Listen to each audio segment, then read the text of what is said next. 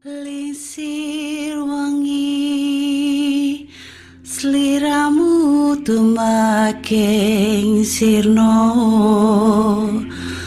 Ojo tangi kan mukulin Awas jok ngetorok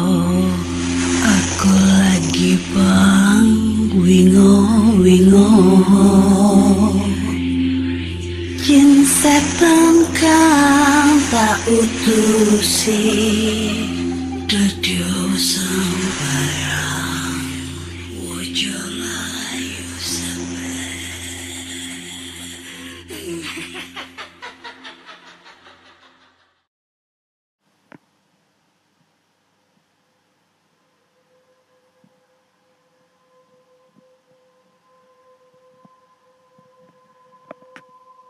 Assalamualaikum warahmatullahi wabarakatuh. Selamat datang di podcast kisah horor.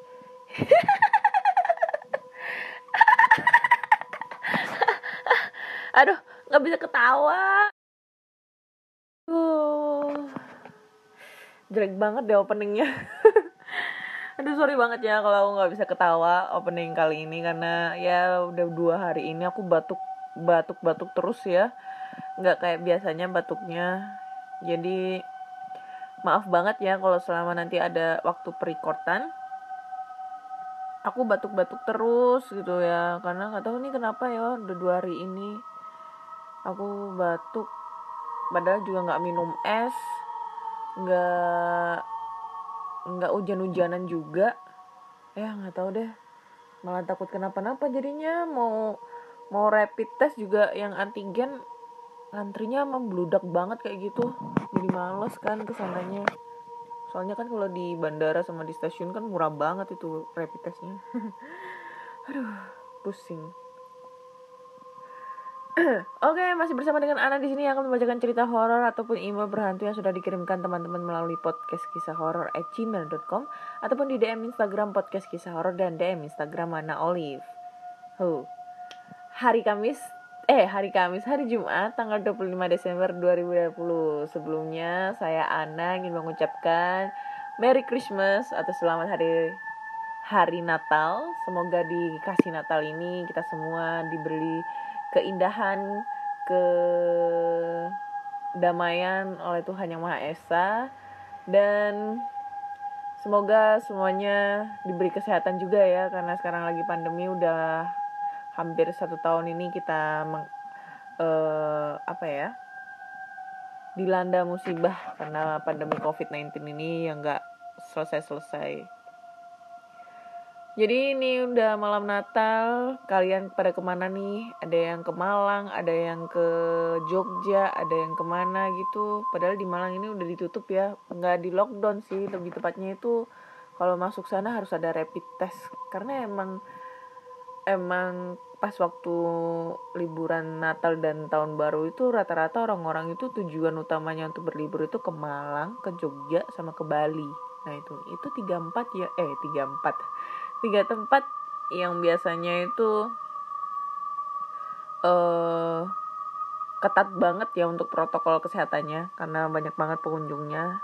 Kemarin juga aku baru pulang dari Makassar di Senin kemarin dan untungnya pas balik ke Makassar itu uh, untuk kewajiban untuk rapid test antigennya itu belum belum terlaksana. Baru malamnya itu baru diwajibkan untuk rapid test antigen. Sedangkan aku nyampe sini itu sore gitu kan. Aku berangkat siang nyampe sini sore. Wah untung banget deh kalau aku sampai kena itu juga nggak tahu kayak gimana ya. Soalnya banyak banget yang ketinggalan pesawat juga kemarin itu. Kasihan banget Oke, langsung aja kita cerita-cerita ya. Nah, ini aku mau sedikit cerita tentang pengalaman cowok aku kemarin. Kemarin waktu aku ke Makassar dia sempat cerita tentang pengalamannya menjaga sebuah pabrik terbengkalai. Ya bisa dibilang sih sudah nggak beroperasi lagi sejak 2 5 2 sampai 5 tahun lah kayak gitu. Jadi dia tuh bercerita, ini lokasi pabriknya itu ada di arah kota Makassar ya tepatnya itu jalannya itu di pinggir tol gitu deket tol.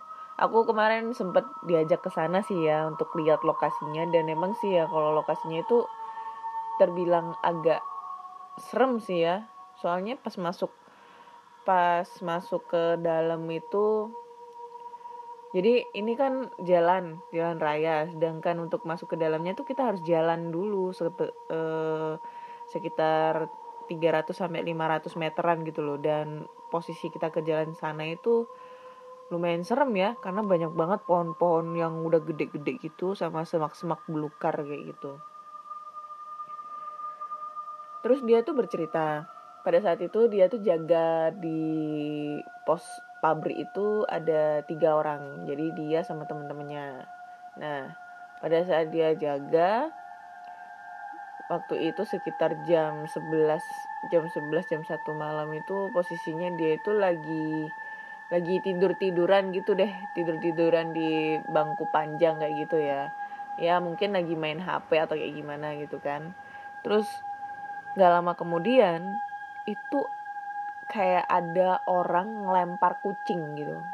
Kayak kayak kucing dilempar gitu loh. Kalau kucing lompat itu biasanya itu nggak kayak kucing kaget kayak gitu. Kalau dilempar itu kan biasanya kucingnya kaget terus ngeong kan. Ngeongnya itu kayak ngeong kaget gitu. Tapi kalau kucingnya lompat sendiri itu nggak nggak nggak nggak kayak gitulah nggak panik gitu. Nah posisinya kucingnya itu jatuhnya itu ada di kepalanya dia. Jadi langsung dia kaget gitu kebangun. Kayak gitu kan. Lalu pas dia noleh melihat yang ngeliat-ngeliat keadaan sekitar ke arah kucing yang kelempar tadi itu nggak ada siapa-siapa. Sedangkan dua temennya ini sedang asik nonton TV jadi berlawanan arah lah gitu loh. Temennya itu nonton TV di sebelah kiri. Nah posisi kucing kelempar itu ada di sebelah kanan gitu loh sisi kanan. Lalu lagi ada cerita kedua. Nah cerita kedua ini pada saat temennya lagi patroli patroli keliling-keliling pabrik ini kan pabriknya besar banget dan kebetulan itu pabriknya itu di bidang tekstil ya jadi masih banyak kayu-kayu terus masih banyak mesin-mesin dan ya pokoknya masih banyak lah kemarin juga sempat difotoin area locker locker pegawai itu yang banyak banget itu locker lockernya itu emang berserakan banget dan masih banyak barang barang-barang karyawan yang ditinggalkan kayak gitu aja kayak gitulah kayak ibaratnya kayak udah terbengkalai banget gitu loh. Kalau sengaja dikosongkan itu nggak kayak gitu. Tapi ini kayak terbengkalai kayak gitu. Jadi orang-orang meninggalkan kayak gitu aja gitu loh. Jadi dia tuh uh, patroli di area belakang pabrik gitu ya. Nah di area pa eh, belakang pabrik itu ada area kayak lapang lapangan gitu ya. Modelnya tuh kayak ya luas banget, nggak ada apa-apa. Jadi kayak lapangan lahan kosong kayak gitu. Nah pas dia beroperasi, pas senternya nyorot-nyorot ke mana-mana, tiba-tiba itu senternya itu menyorot seekor kerbau bule. Nah, aku tuh belum tahu ya macamnya kerbau bule itu kayak gimana. Coba aku cek dulu. Apakah kayak kebo biasa gitu atau kayak gimana aku juga nggak tahu ya. Nah jadi jadi itu si temennya itu kayak nemu nemu apa namanya kerbau gitu kan. Ini keypadku agak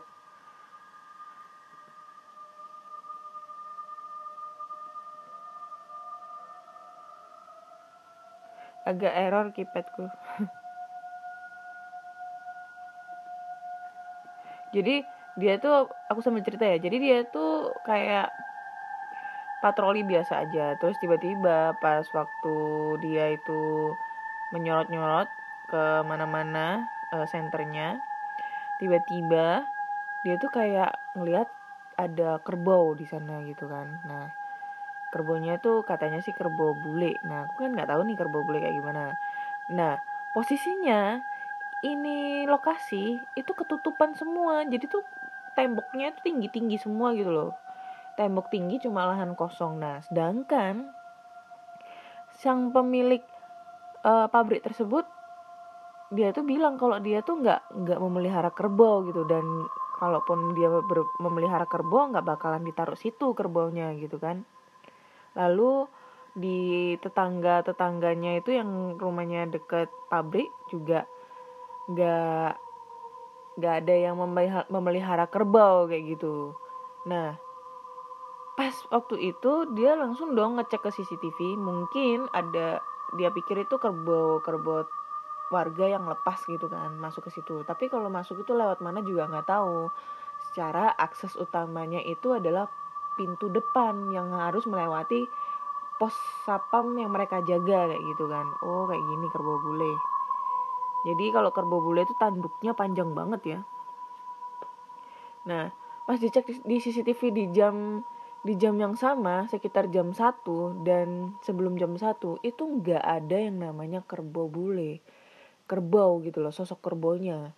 Dan pas waktu dicek CCTV ada si temennya temennya pacarku ini berdiri di situ itu nggak ada sosok kerbau. Padahal ini temennya lagi ngelihat kerbau dan lagi nyorot nyorotin pakai senter. Gila nggak itu? Apakah itu kerbau jelmaan atau kayak gimana? Aku juga nggak tahu ya. Serem juga sih. Lalu ada berikutnya tuh yang ketiga itu pada saat uh, temennya itu lagi tidur tiduran gitu lagi tidur tiduran di pos sapam gitu kan. Nah sekitar jam berapa aku nggak tahu lupa. Jadi dia tuh lagi tidur tiduran terus dia tuh mimpi. Mimpi itu dia tuh katanya ngelihat sosok cewek berbaju kebaya putih. Itu berada di area loker-loker pegawai gitu loker-loker pegawai. Nah si cewek itu kayak manggil temennya cowokku itu manggilnya tuh kayak mancing itu kayak lu tau gak sih kalau mancing tangannya jarinya tuh digini-giniin gitu? Di kayak ngawe-ngawe jari tapi jarinya nah itu satu jari kayak gitu-gitu. Jadi kayak kode diajak ngewek kayak gitu ya sama setan. Diajak ngewek dan itu setannya katanya cantik banget. Jadi dia ketemu sosok wanita berkebaya putih dan sosoknya tuh cantik banget. Dan itu kayak sengaja manggil temennya cowokku buat kayak diajak ngewek gitu. Nah pas pas dia itu di jentikin jarinya kayak gitu sama si hantu itu tiba-tiba langsung dia kaget kebangun dan langsung keringet dingin semua. Tapi katanya sih dia tuh mimpi tuh kayak secara real gitu loh. Real real dia berada di situ gitu loh. Ya aku nggak tahu sih ini beneran apa enggak tapi ya serem juga ya. Kalau seandainya ngewek sama itu setan itu setan bahkan ha bakalan hamil apa enggak juga nggak tahu. Terus kalau hamil anaknya apa dong? Manusia apa setan juga? Terus kalau setannya lagi hamil yang ngebantuin ngelahirin siapa dong? Masa dunia perhantuan punya bidan gitu. Operasi sesar gitu. Aneh anjim lah. Ya itulah tiga pengalaman horor dari pacar aku tentang pengalamannya dia menjaga sebuah pabrik yang tidak terpakai tidak uh, yang lama tidak beroperasi gitu. Ada di kota Makassar ya. Mungkin kalian bisa cek-cek lah ke sana lokasinya itu ada di pinggir pin, pinggir tol area mana ya kemarin tuh aku lupa namanya Panakukang kalau nggak salah. Panakukang. Iya Panakukang ya. Pokoknya aku tuh kalau lurus terus itu nanti tembusnya ke Masjid Agung Makassar sana. Kayak gitu. Oke, lanjut kita langsung ke cerita berikutnya ya, langsung dari email. Kerbau bule. Biasanya tuh yang bule-bule tuh suka yang eksotis tahu.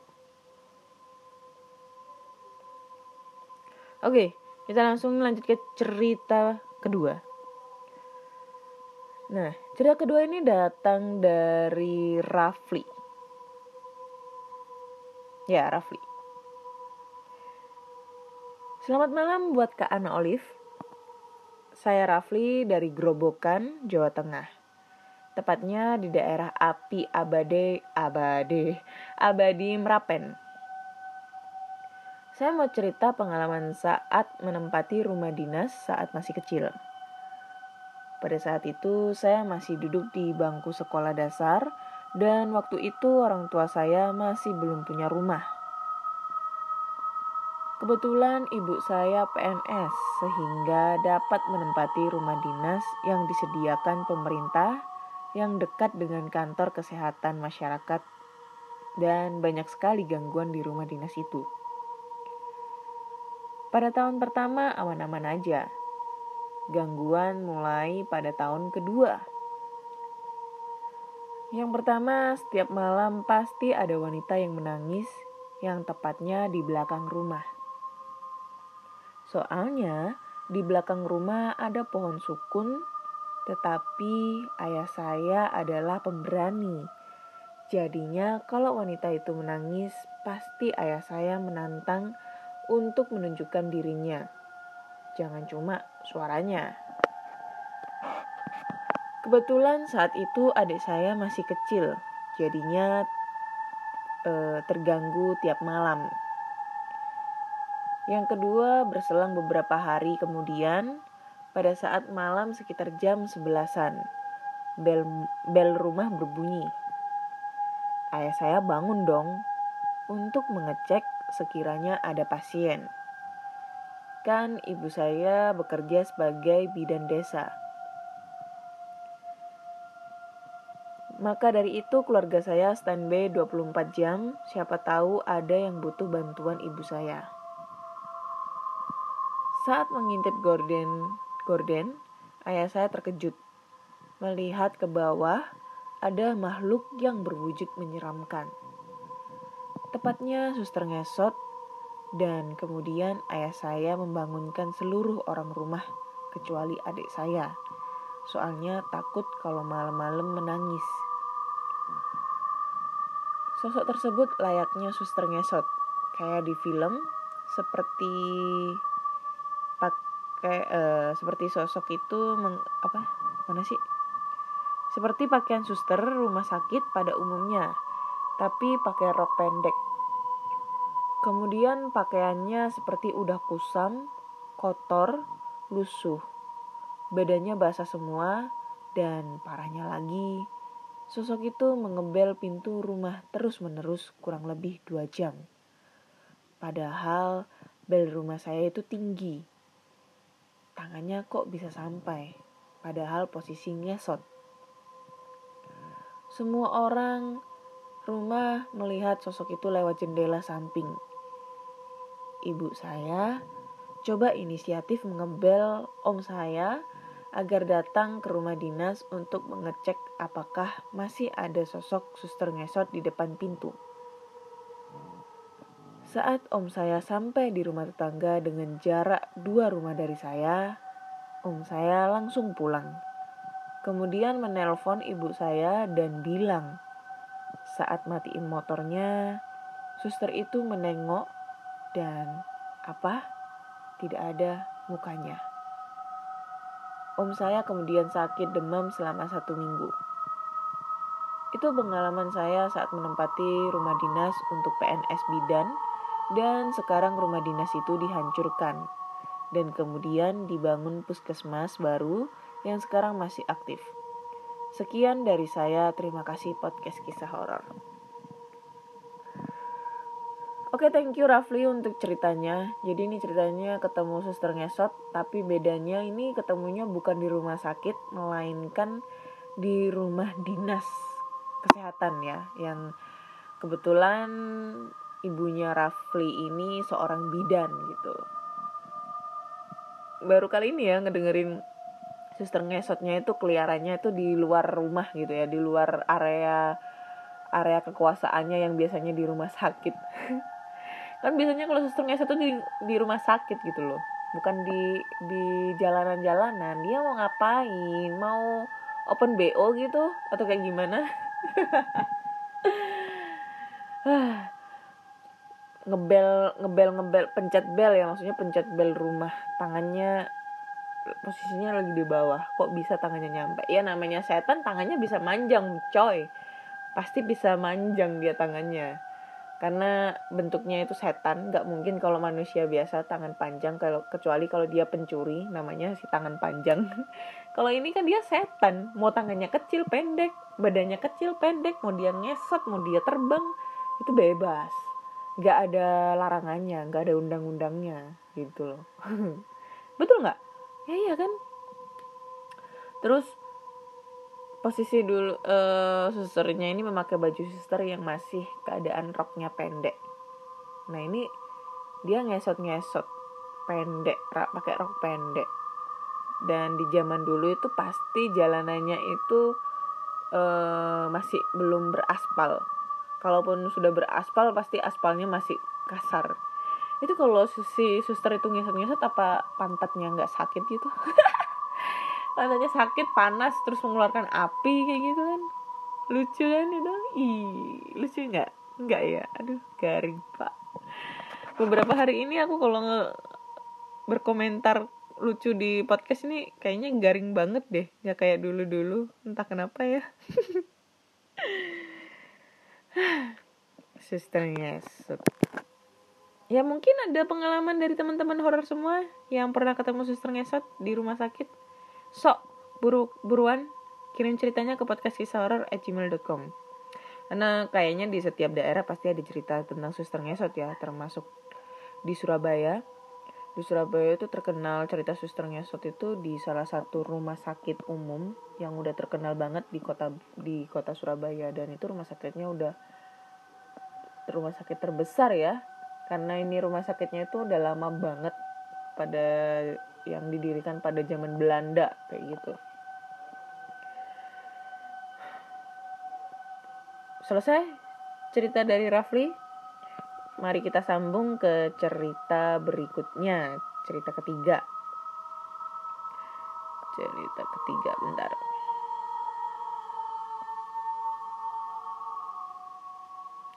Cerita ketiga langsung aja kita bacakan dari email.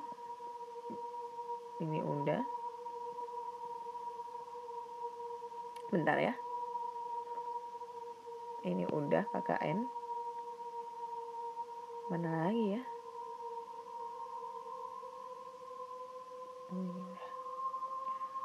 Bentar. Ini dia.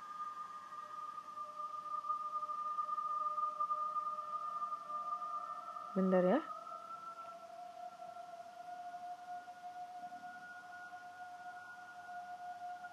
Nih. Kisah ini dialami oleh seorang tante janda tanpa anak yang pernah tinggal di kota Jakarta dalam waktu yang cukup lama. Dia memiliki seorang sahabat yang bernama Ibu Mirna. Beliau orang kaya dan seorang pengusaha sukses. Sekitar tahun 2012, beliau membeli sebuah kantor berlantai dua yang cukup besar untuk dijadikan kantor tempat usahanya. Kantor itu sudah lebih dari 15 tahun tidak pernah digunakan dan dulunya adalah sebuah kantor pemasaran di salah satu perumahan di kota Bandung. Mungkin karena merasa iba dengan tante yang sudah janda tanpa anak ini, semenjak ditinggal almarhum suaminya, harus bekerja sebagai penjual jamu untuk bisa bertahan hidup sendirian di daerah Jakarta Selatan. Lalu Ibu Mirna memintanya untuk membantu mengawasi pekerjaan. Tugasnya membersihkan bangunan tersebut bersama dengan enam orang upahan lainnya. Tante pun memenuhi dan bersedia bekerja sama dengan enam pekerja yang lain selama satu bulan lebih membersihkan dan memperbaiki bagian-bagian yang rusak supaya bisa dipakai lagi sebagai persiapan agar kantor bisa segera ditempati oleh Ibu Mirna dan para karyawannya. Tante bersama enam orang upahan itu tidur dan tinggal di sana selama pekerjaan tersebut. Enam orang upahan itu tidur di lantai satu di ruang tamu. Sedangkan tante di kamar atas yang berada di lantai dua Karena bangunan itu sudah lama tidak dipakai, debu-debunya sangat tebal di segala ruangan. Sarang laba-laba sangat banyak menem banyak menempel di setiap langit-langit. Sambil mengawasi pekerjaan para pekerja, akhirnya tante ikut turun tangan juga untuk bersih-bersih. Kebetulan pada saat itu sendirian sedang membersihkan kamar mandi di lantai dasar. Rencananya kamar mandi itu digunakan untuk kamar mandi para karyawan. Sedang asik-asiknya membersihkan sarang laba-laba di langit-langit kamar mandi, mendadak tangan kanannya yang sedang memegang sapu tidak bisa digerakkan sampai beberapa detik. Seperti ada sesuatu yang menahan tangannya berasal dari belakang badannya. Jadi tidak dapat melihat sesuatu itu wujudnya seperti apa. Tante pun berusaha untuk menggerak-gerakkan tangan kanannya sekuat tenaga untuk meneruskan membersihkan sarang-sarang laba-laba. Tapi tidak berhasil digerakkan. Sadar ada yang tidak beres, Lalu dengan santainya tanpa rasa takut sambil berkata dengan sopan, "Tolong jangan pegang-pegang. Aku di sini tidak berniat ganggu dan mengusir kamu. Aku hanya membersihkan saja, biar kamar mandinya jadi bersih. Supaya enak dilihatnya." Dan beberapa saat setelah itu tangannya bisa digerakkan kembali dan tante melanjutkan pekerjaannya.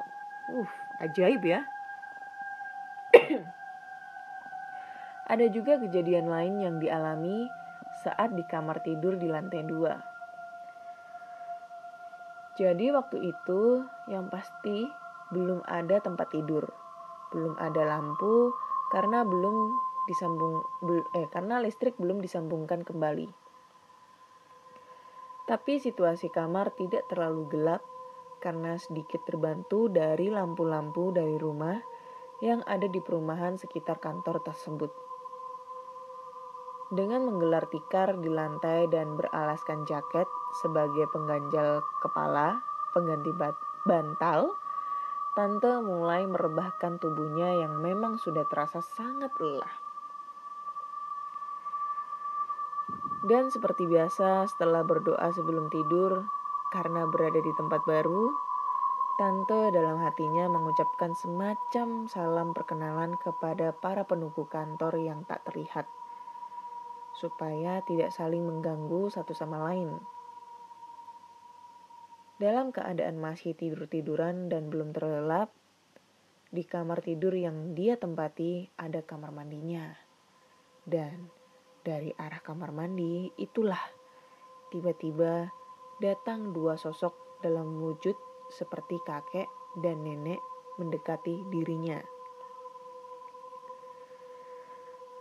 Tante tentu saja kaget dengan kehadiran mereka, tapi belum berpikir kalau mereka itu bukan manusia sungguhan dan langsung segera duduk. Walaupun begitu, tante tetap tenang dan mengamati mereka dengan bantuan penerangan yang berasal dari luar kamar. Beliau bisa melihat cukup jelas kedua sosok tersebut dan pakaian yang mereka pakai. Kakek dan nenek tersebut berusia sekitar 60 sampai 65 tahun. Si kakek memakai semacam ikat kepala yang menutupi rambutnya. Pakaiannya seperti pendekar silat dengan celana panjang kedodoran dan congklang. Sedangkan si nenek memakai baju kebaya seperti pakaian desa. Rambutnya digulung dan sambil mengunyah sirih. Anjir, serem ini mah.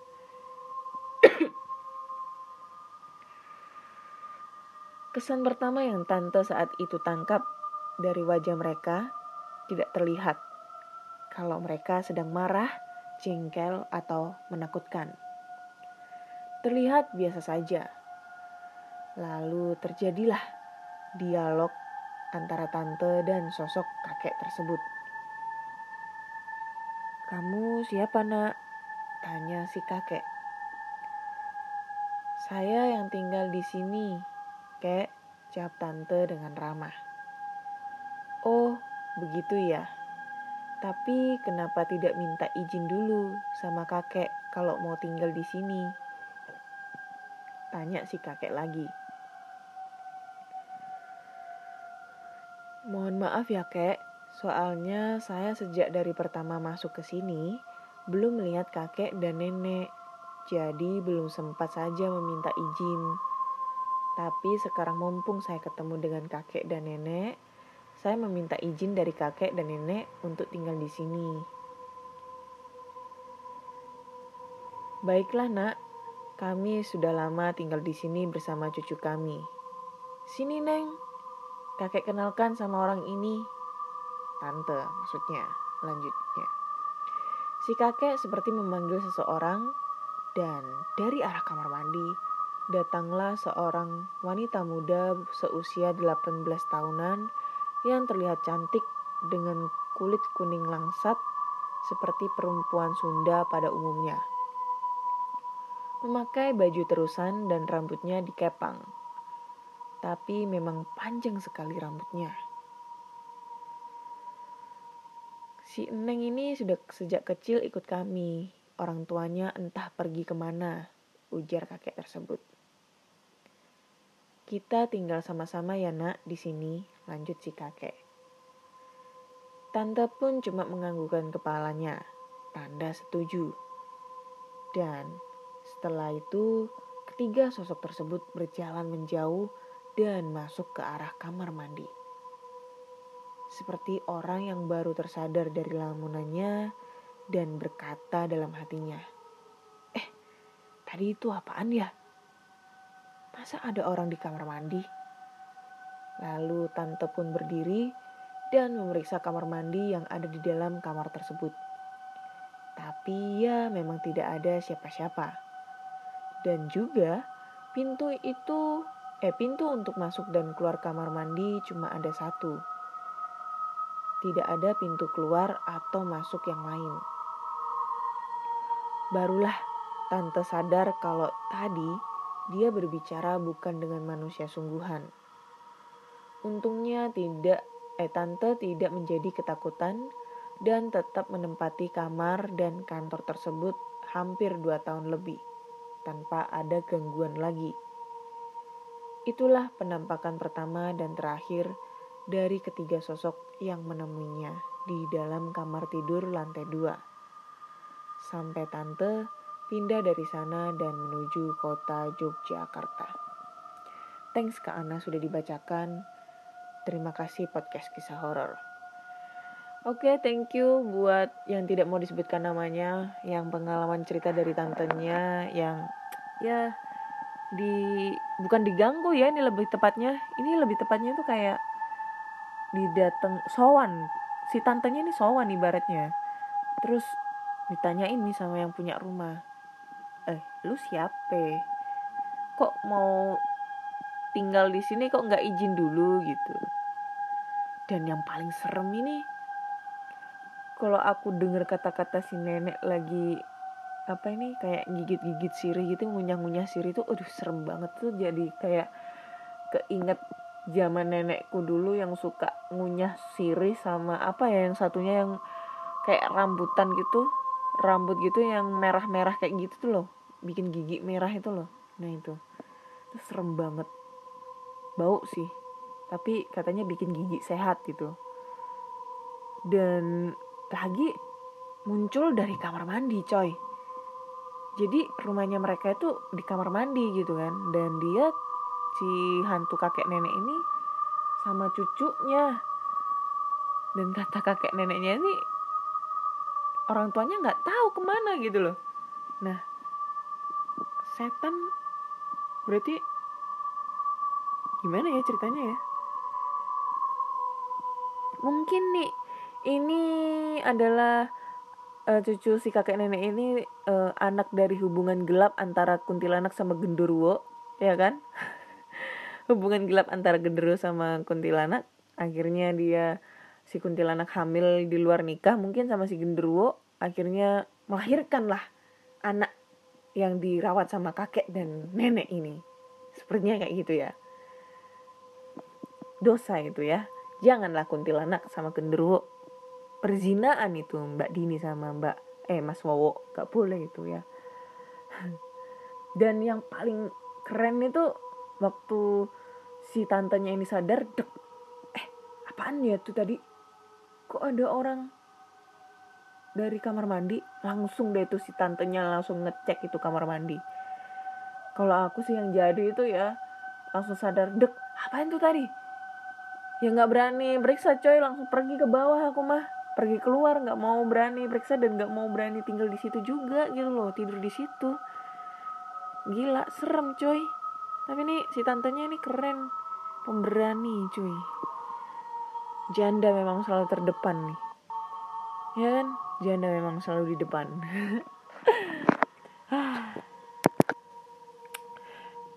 Oke next lah. Satu cerita lagi masih masih bisa lah untuk satu cerita ya. Kita next aja. Langsung ke cerita berikutnya ya. Panjang apa enggak ini? Wah panjang ini. Kita cari-cari yang agak pendek ceritanya. Jangan yang panjang-panjang. Eh kok panjang lagi nih? Nah ini. Halo kak Ana. Kali ini aku akan menceritakan tentang pengalaman saya jadi kisah ini terjadi beberapa tahun silam saat saya masih SMA waktu menunjukkan pukul 00.30 saya sampai di depan gerbang rumah saya. Saya merogoh tas kecil saya untuk mencari kunci. Wah, sial, ucap saya. Karena ternyata kunci itu tidak ada di dalam tas saya. Saya tinggal sama tante saya. Jadi tidak enak kalau sudah jam segitu saya masih menekan bel rumah atau menelpon rumah. Jadi saya memutuskan memanjat gerbang yang cukup tinggi. Di dalam pekarangan rumah saya langsung disambut oleh anjing saya, Mili, jenis Jack Russell. Mata tidak kuat menahan lebih lama. Akhirnya saya putuskan untuk menggelar tumpukan koran untuk dijadikan alas tidur saya di teras depan rumah. Pekarangan saya memiliki kolam ikan yang berada lima langkah di samping saya dari tempat saya tiduran. Dan parkiran mobil yang kurang lebih 10 langkah ke depan arah gerbang. Alas tidur pun sudah siap. Saya mencari jas hujan untuk dijadikan selimut karena angin malam tidak bagus untuk kesehatan. Akhirnya saya pun sudah sudah dalam posisi tidur Anjing saya Mili juga tidur di dekat saya. Tidak terasa saya pun terlelap, hingga saya akhirnya terbangun oleh suara geraman anjing saya. Masih dalam keadaan setengah tidur. Saya membuka mata saya, saya melihat Mili sedang menggeram. Bulunya semua berdiri. Pandangan Mili tajam ke arah kolam ikan saya. Mampus. Dalam hati saya berteriak. Karena saya tahu persis apa yang sedang terjadi sekarang. Dalam hati saya eh perlahan-lahan pandangan Mili bergeser dari arah kolam ikan menuju ke lokasi parkiran mobil. Masih terus menggeram. Saya putuskan untuk menenangkan anjing saya dengan memeluknya. Sudah, Mil, sudah. Dengan suara agak parau karena cukup shock, saya mencoba menenangkan anjing saya dan diri saya juga. Setelah kejadian itu, saya pun berdoa dan kembali tidur sampai kemudian terbangun lagi ketika pintu rumah terbuka. Dan tante saya sampai terkaget melihat saya tidur di depan. Gantung ini ceritanya. Jadi apa ini yang dilihat sama si Mili nih ya? Seharusnya nih yang cerita ini si Mili, bukan elu kali ya. Jadi aku tahu nih ya, teman-teman horor itu tahu juga apa yang terjadi di sana, apa yang dilihat Mili, setan apa yang dilihat, setan apa yang merasukimu kayak gitu kan. Sedangkan lu nggak ngeliat tuh setannya apa cuma ngerasa takut karena anjing lu menggeram gitu kan. Karena melihat sesuatu sosok mungkin. Karena emang ya hewan itu lebih sensitif untuk melihat hal-hal yang tidak kasat mata seperti kucing, ayam, anjing juga anjing enak banget ngomong anjingnya anjing gitu kan. Lalu apalagi ya? Kambing mungkin ya. Tapi yang lebih sering sih anjing sama kucing gitu. Kalau ayam itu identiknya itu kalau tengah malam ketem kedengeran suara anak ayam padahal di sekitar rumah itu tidak ada yang memelihara ayam itu tandanya ada sosok makhluk halus yang datang. Entah itu kuntilanak entah itu genderuwo aku nggak tahu. Kayaknya sih kuntilanak kayak gitu. Serem sih emang kalau ada anjing yang tengah malam menggeram gitu ya. Karena biasanya kalau anjing itu menggeram berarti dia itu biasanya ngelihat manusia uh, orang yang tidak dikenal gitu kan. Orang asing yang tidak dikenal ataupun sosok makhluk yang tak kasat mata. Yang biasanya mengancam keberada apa yang mengancam nyawa si anjing tersebut atau menjaga si tuan rumah kayak gitu kan. Tapi ya sayangnya ini aku nggak tahu yang dilihat si anjingnya itu apa. Entah itu kuntilanak entah itu wowo entah itu tuyul entah itu babi ngepet kecoak bunting apa kek. Itu deh. Sayang banget nih oke mungkin cuma segini dulu ya ceritanya. Udah banyak banget yang aku ceritain ada tiga cerita dari cowok aku tentang pengalamannya diganggu hantu pada saat jaga di pabrik terbengkalai. Ada lagi cerita dari si Rafli tentang pengalamannya diganggu keluarganya diganggu suster ngesot di rumah dinasnya. Ada lagi cerita dari yang tidak disebutkan namanya tentang pengalaman tantenya diganggu penghuni kantor baru, eh penghuni kantor. Lalu yang terakhir adalah pengalaman dari salah satu pendengar podcast kisah horor yang menceritakan tentang uh, anjingnya. Anjingnya menggeram marah karena melihat sosok yang tidak terlihat seperti itu. So bagi kalian yang mempunyai cerita horor kalian bisa langsung aja kirim cerita kalian ke podcast kisah horor at gmail.com ataupun podcast eh Instagram podcast kisah horor dan DM Instagram Ana Olive. Dan jangan lupa podcast kisah horor sudah bisa didengarkan di Spotify, Google Podcast, Apple Podcast, dan Anchor. Jangan lupa klik tombol follow atau agar kalian selalu update tentang cerita horor terbaru. Dan podcast kisah horor juga sudah bisa didengarkan melalui YouTube. Kalian bisa langsung search aja di YouTube podcast kisah horor. Jangan lupa subscribe, like, comment, dan share. Dan di situ juga ada uh, video-video lama aku explore tempat terbengkalai karena sekarang kayaknya aku sudah nggak explore explore lagi kayak gitu ya. Dan sebentar lagi akan memasuki tanggal 26 Desember 2020 sebelumnya saya mau mengucapkan terima kasih teman-teman. Selamat merayakan hari Natal. Semoga kita semua diberi kedamaian oleh Tuhan Yang Maha Esa. Dan aku mau mengucapkan nih selamat ulang tahun happy birthday buat cowok aku yang tanggal 26 Desember ini. Dia berulang tahun ke gak usah disebutin lah umurnya berapa. Nanti ketahuan. Jadi selamat ulang tahun sayang. Cile semoga panjang umur sehat selalu dilancarkan rezekinya. Dan selamat ulang tahun buat teman-teman horor semua yang berulang tahun pada tanggal 25 Desember dan 26 Desember. Semoga kalian semua dilancarkan rezekinya diberi kesehatan selalu dan setia ngedengerin podcast kisah horor cile Kenapa aku ngucapin di sini? Karena pasti cowok aku ngedengerin podcast aku. Oke, terima kasih teman-teman sudah mendengarkan podcast kisah horor di episode 68. Nantikan podcast kisah horor di episode 69 di minggu depan. Thank you guys.